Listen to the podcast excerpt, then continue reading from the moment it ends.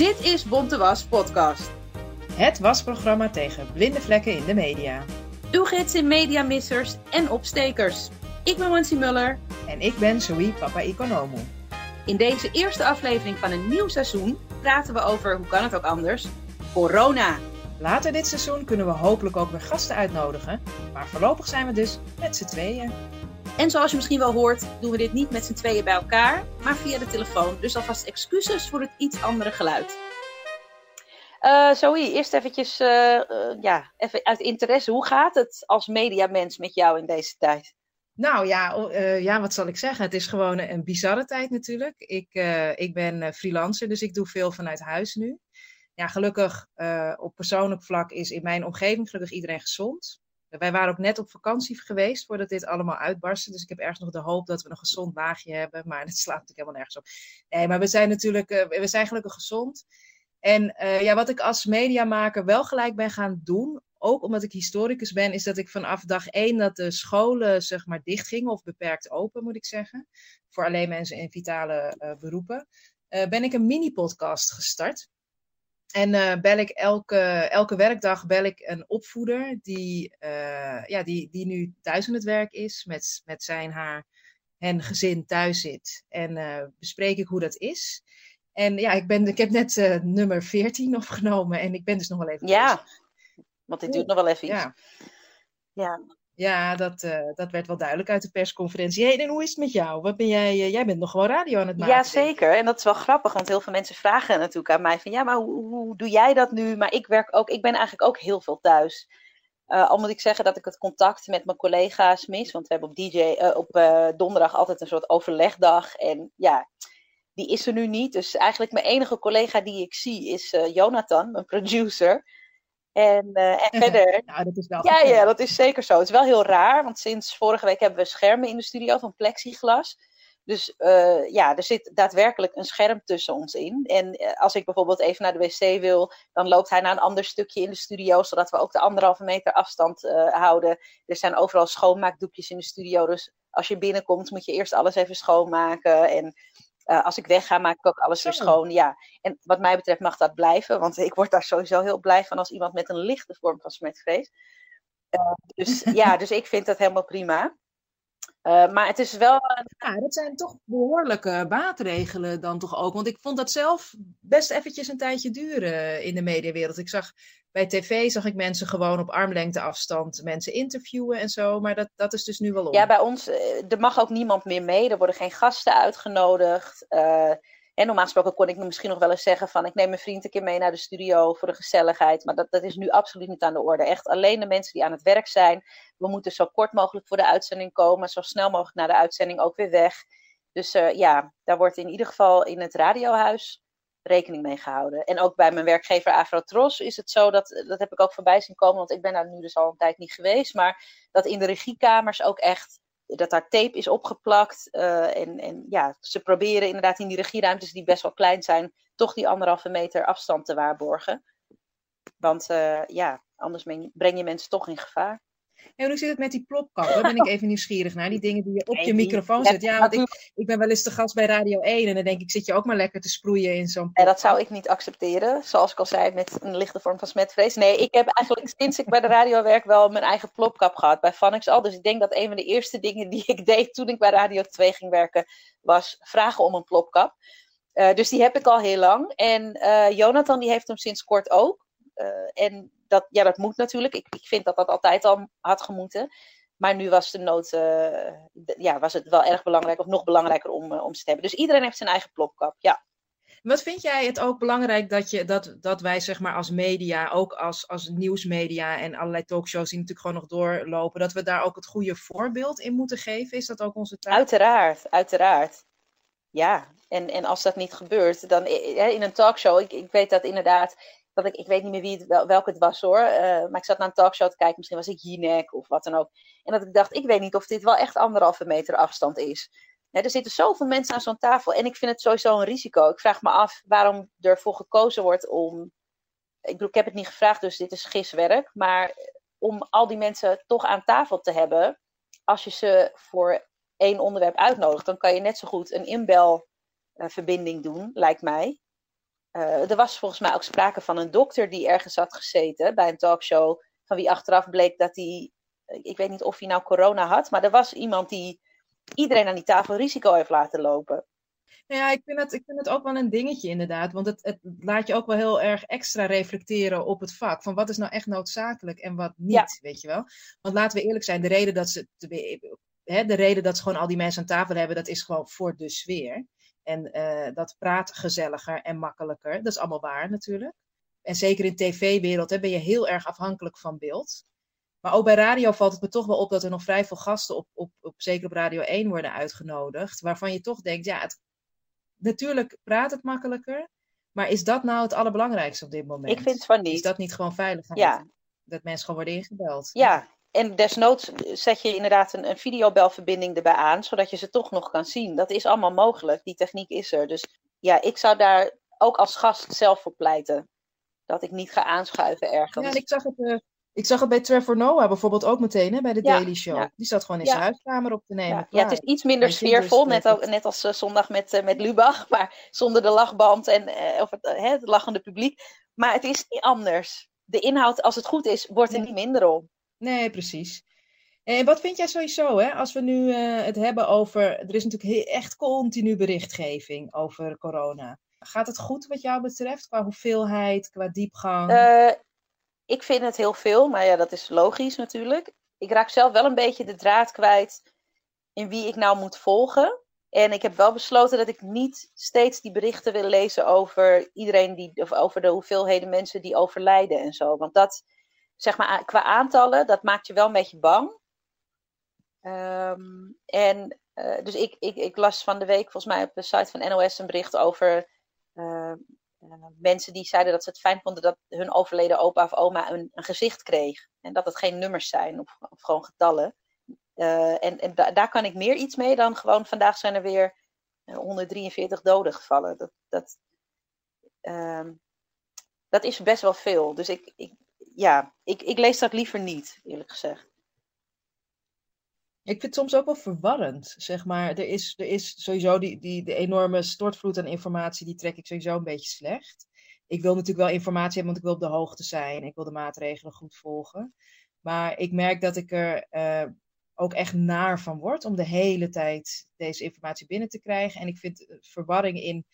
er wordt steeds gezegd, ook vanuit de regering, van we moeten de experts volgen. Maar ja, de, natuurlijk, er zijn een aantal vaste experts die, die de Nederlandse regering raadpleegt. Maar je hoort in andere landen ook zijn ook weer andere type experts. Uh, de Wereldgezondheidsorganisatie geeft weer dingen uit. En dan, ja, dat wordt, daar wordt ook allemaal over bericht door allerlei verschillende media. En het komt allemaal weer op sociale media die dat dan weer doordelen. En dat zorgt ook wel voor een verwarring. Er is natuurlijk niet één expert die de wijsheid in pacht heeft op dit moment. Want dat is denk ik het hele probleem. Er is gewoon ook nog heel veel niet duidelijk.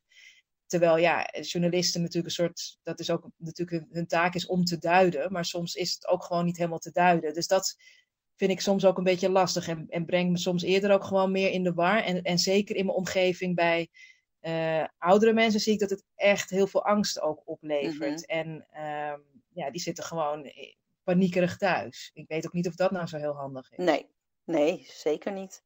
Wat ik wel een mooi voorbeeld vond, was een, uh, een, uh, ja, een soort mini-documentaire, is het denk ik, van BNN Vara. Dat was, uh, die was op 1 april op tv. En dat, was een soort, dat was een inkijkje in hoe het nu gaat op die IC's. Mm -hmm.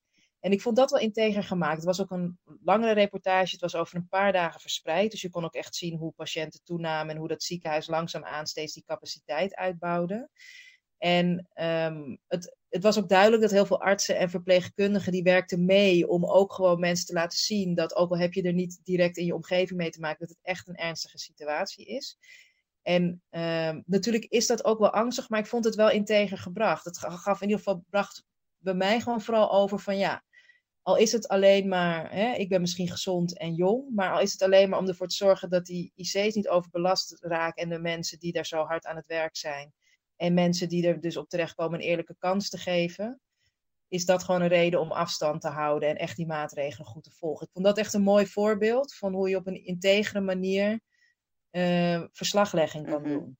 Nou, wat mij zou helpen om, um, en misschien andere mensen ook, om, om zeg maar toch iets minder angstig deze tijden door te maken, is dat er ook goed wordt gemeld hoeveel mensen er beter worden.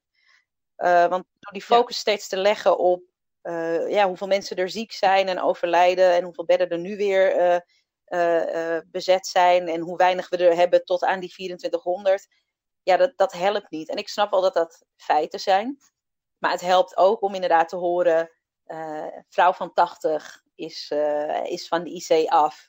Of hè, jongen is na, van 16 is na een paar dagen eindelijk uit zijn coma.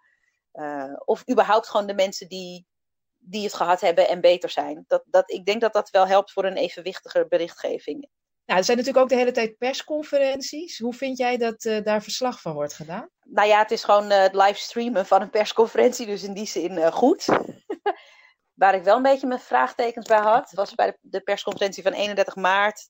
ja, de vragen die gesteld werden door de journalisten. En nou weet ik niet of van tevoren ze de vragen moesten indienen en degene die hè, ze toewees dat zij een vraag mocht stellen, wist wat ze wilde stellen. Want volgens mij was een van de eerste vragen die gesteld werd: hoe zit het met uh, de betaald voetbalcompetitie? Ja, ik weet niet hoor, maar dat vind ik niet per se uh, het belangrijkste voor heel Nederland om te weten.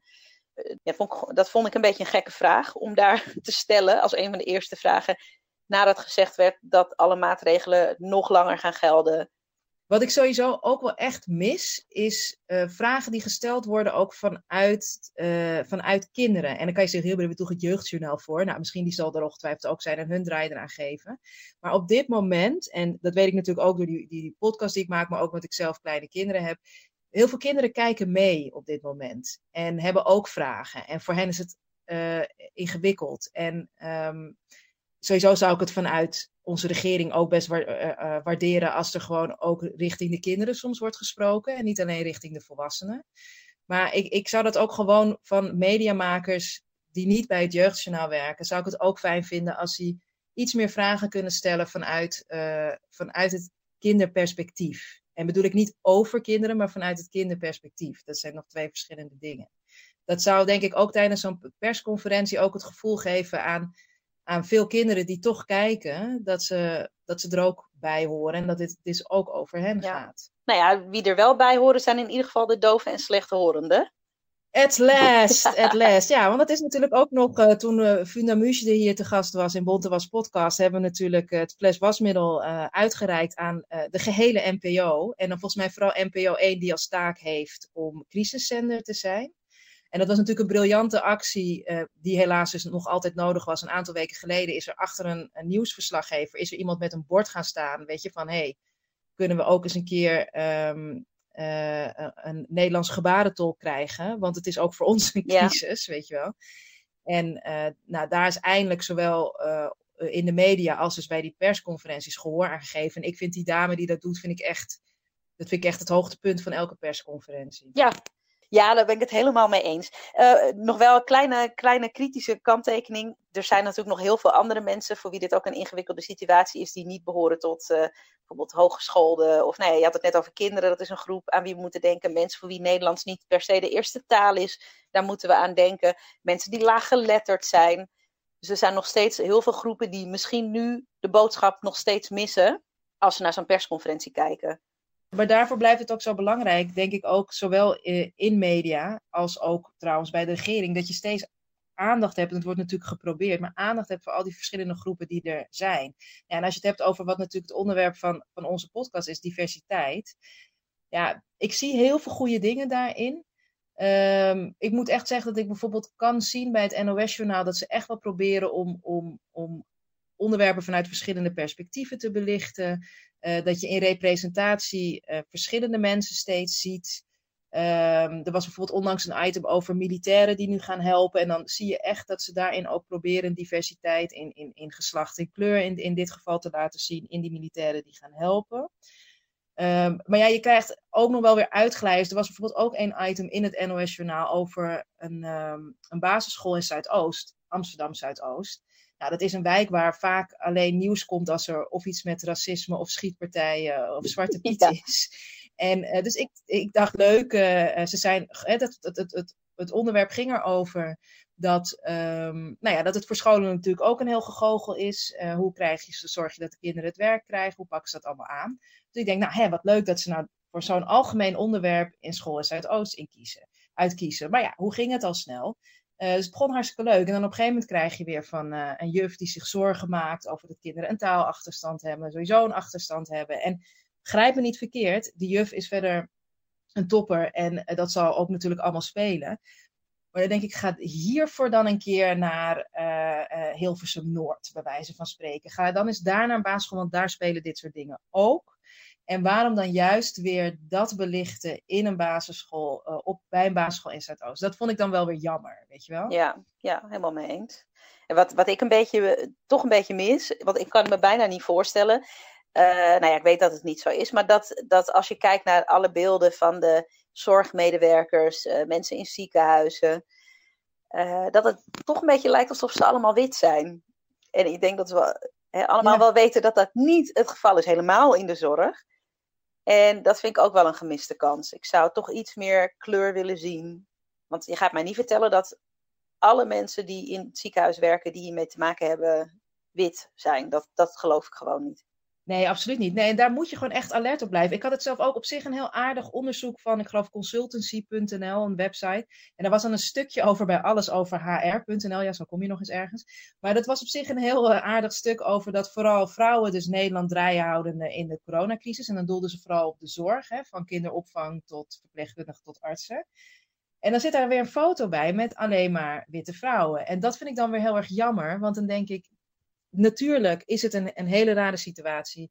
Uh, mensen draaien overuren, iedereen wil snel uh, informatie melden, maar zorg steeds hierbij dat je representatief en divers blijft werken. Want juist, juist nu is het voor iedereen zo belangrijk om zich gerepresenteerd te zien, om goede informatie te ontvangen, om informatie vanuit jouw perspectief ook te ontvangen. Dus ik, ja, ik, ik vind dat toch wel iets. Um, er zijn echt goede voorbeelden die ik heb gezien uh, in deze periode. Maar ik zie het ook wel weg hebben af en toe. En ik moet toch nog even. Ja, dat gaat niet over corona, maar deze moet ik toch echt even nog infietsen.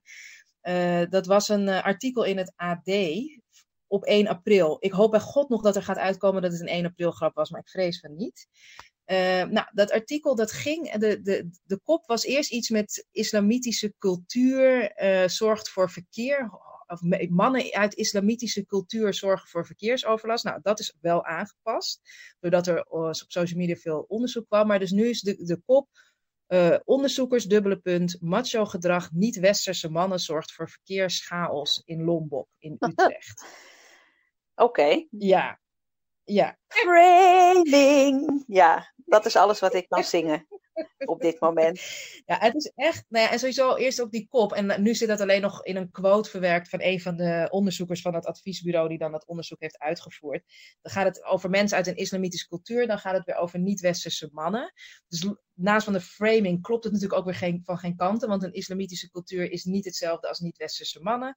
Ja, mensen die vaker weten, weten ook dat ik al sowieso een gruwelijke hekel heb aan de categorie niet-westers. Westers en niet-westers. Uh, lees daarvoor vooral een artikel dat ik schreef op Republiek Allochtonië. Maar het gaat erom, waarom moet je verkeerschaos gaan koppelen aan een, in dit geval vrij brede, raar afgebakende afkomst, zijn de niet-westerse mannen. Het slaat gewoon helemaal nergens nee, op. Nee. Je vreemd inderdaad als een malle. Um, wat, wat zegt dit? Nou, ik, ik word daar echt helemaal crazy van als ik zo'n stuk lees. Het is nog een lang stuk ook. En dan denk ik, hoe kan, wat ga, is er, ga, ik bedoel, er, er gaat al heel veel mis dat zo'n onderzoek op die manier plaatsvindt en dat dit een conclusie kan zijn. Dat vind ik al shocking. Maar dat dit op deze manier uh, uh, in een krant kan komen, nou, het is echt. Uh, nou ja, ik denk dat er heel veel mensen zijn, om deze dwarsstraat even in te rijden. Ik denk dat er heel veel mensen, heel veel mensen zijn die zeggen, maar als dat onderzoek uitwijst dat het mannen zijn met een bepaalde achtergrond, dan is het toch feitelijk juist. Maar ik denk dat, dat je dan uit het oog verliest dat uh, de koppeling die gelegd wordt tussen asociaal verkeersgedrag en een bepaalde afkomst hebben, niet bewezen is. Dat is niet wetenschappelijk te bewijzen. Precies. En, uh, en, en, en, daarom is dit een, een, een, een, kop en een stuk waarvan we nog steeds hopen dat het een heel foute 1 april grap is. Nou ja, en als je het dan toch over onderzoek hebt, die fiets ik er dan toch maar even in. Maar er is zo vaak bewezen dat het ook continu herhalen van dit soort stereotypen eigenlijk zouden wij het al bijna niet moeten doen, want ook al willen wij het ontkrachten en herhalen wij het ook weer. Mhm. Maar het herhalen zorgt er echt voor dat mensen dat aan elkaar gaan koppelen. En het is net als dat mensen gillen, weet ik veel, uh, Nederlanders die op vakantie zijn, gedragen zich allemaal asociaal en ze schreeuwen en ze drinken alleen maar bier en ze boeren hard of zo. Dat, dat vind, dat vind weet je, dat is ook een, dat, is precies hetzelfde. Dan scheer je dus allemaal mensen over één kam en je koppelt ze aan, in dit geval asociaal gedrag. Nee, dat zei je al. Maar ja, nee, het is, uh, deze moest ik er toch nog eventjes uh, tussendoor werpen. Nou, oké, genoeg daarover. We gaan weer terug naar corona. Uh, en dan ook vooral naar wat er wel goed gaat in de media. Zoe, waar ben jij blij mee? Nou, voor mij is echt een betrouwbare bron nu.nl. Moet ik echt zeggen, daar kijk ik één, twee keer per dag op. Mhm. En ik vind het heel fijn dat zij er nu factcheck hebben. Daar heb ik echt veel behoefte aan, omdat er zoveel informatie rondgaat. En oké, ook nu.nl meldt heel veel. En heeft een continu live blog. Maar ik snap dat ook wel. Dat, het zou voor mij wel een tikje minder kunnen. Maar ik vind toch over het geheel genomen vind ik het een prettige, uh, uh, vrij onafhankelijke bron van informatie in hoeverre dat mogelijk is. Dus ik vind echt dat zij lekker bezig zijn. En ze hebben natuurlijk sowieso ook altijd al een, een podcast waarin ze ook uh, het bespreken. Wat moeilijke beslissingen zijn, wat er goed en minder goed gaat. En dat vind ik heel belangrijk in deze tijden. Want we moeten, uh, uh, net als dat media macht controleren, moeten ook media zijn ook een macht. Ik kan het niet vaak genoeg herhalen. Dus daar moeten ook gewoon corrigerende mechanismen voor zijn. Dus dat nu.nl dat ook op die manier voor zichzelf organiseert, vind ik gewoon heel goed. Ja, en dan inderdaad uh, specifiek die fact-check. Ik, ik weet niet hoe, hoe, vaak jij dat bericht hebt, rond, hebt doorgestuurd gekregen van haal je adem in en zo kan je zien of je corona hebt of, uh, of uh, kleine slokjes warm water drinken. En iedereen die me dat heeft gestuurd heeft de fact-check van nu.nl gehad. Want ja, ik, ik, sowieso kan ik niks met dat soort berichten. Ik, ik, wil altijd eerst voor mezelf uitzoeken hoe het zit. Maar dat hebben zij in dit geval gedaan. Dus ik sluit me helemaal bij je aan. En ik vond ook nog een. Um, dat vind ik sowieso echt een te gekke nieuwsbrief. En dan wil ik iedereen die naar deze podcast luistert ook uh, toe oproepen om zich te abonneren daarop. De nieuwsbrief van Villa Media. Um, dat is uh, de website van de Nederlandse Vereniging voor Journalisten. Uh, zeg maar tijdschrift, maar ook de website. En hun nieuwsbrief bevat eigenlijk altijd heel interessante journalistieke onderwerpen. Ze doen heel veel interviews, die gaan over het vak. En ze hebben laatst een artikel gepost dat wij ook in de show notes gaan meenemen. En uh, ik denk ook op onze Twitter gaan posten, het Bontewas podcast. Dat gaat over hoe je als journalist je nou kan wapenen tegen desinformatie. En um, dat, dat, daar hebben ze dan ook een paar linkjes in van uh, factcheckers. Zodat jij als journalist ook na kan gaan of wat je ergens anders hebt gevonden daadwerkelijk klopt. Dus dat is echt een, heel, uh, ja, een heel interessant artikel, heel waardevol. En uh, ja, bij deze hoop ik ook dat iedereen die iets te maken heeft met corona daarover schrijft of bericht of wat dan ook, uh, eventjes naar die website gaat om, om ja, na te kijken of wat je, wat je wil opschrijven daadwerkelijk klopt. Dit was Bontewas podcast over de coronaberichtgeving in de Nederlandse media. Abonneer je op onze podcast via Spotify, iTunes, Stitcher of een andere podcast-app. En laat ook een recensie achter. Dat maakt het voor anderen makkelijker om Bontewas podcast te vinden. Heb je ook voorbeelden van blinde vlekken in de media of wil je meer weten over Bontewas podcast? Ga dan naar www.nieuwwij.nl en volg ons op Twitter via @bontewaspodcast.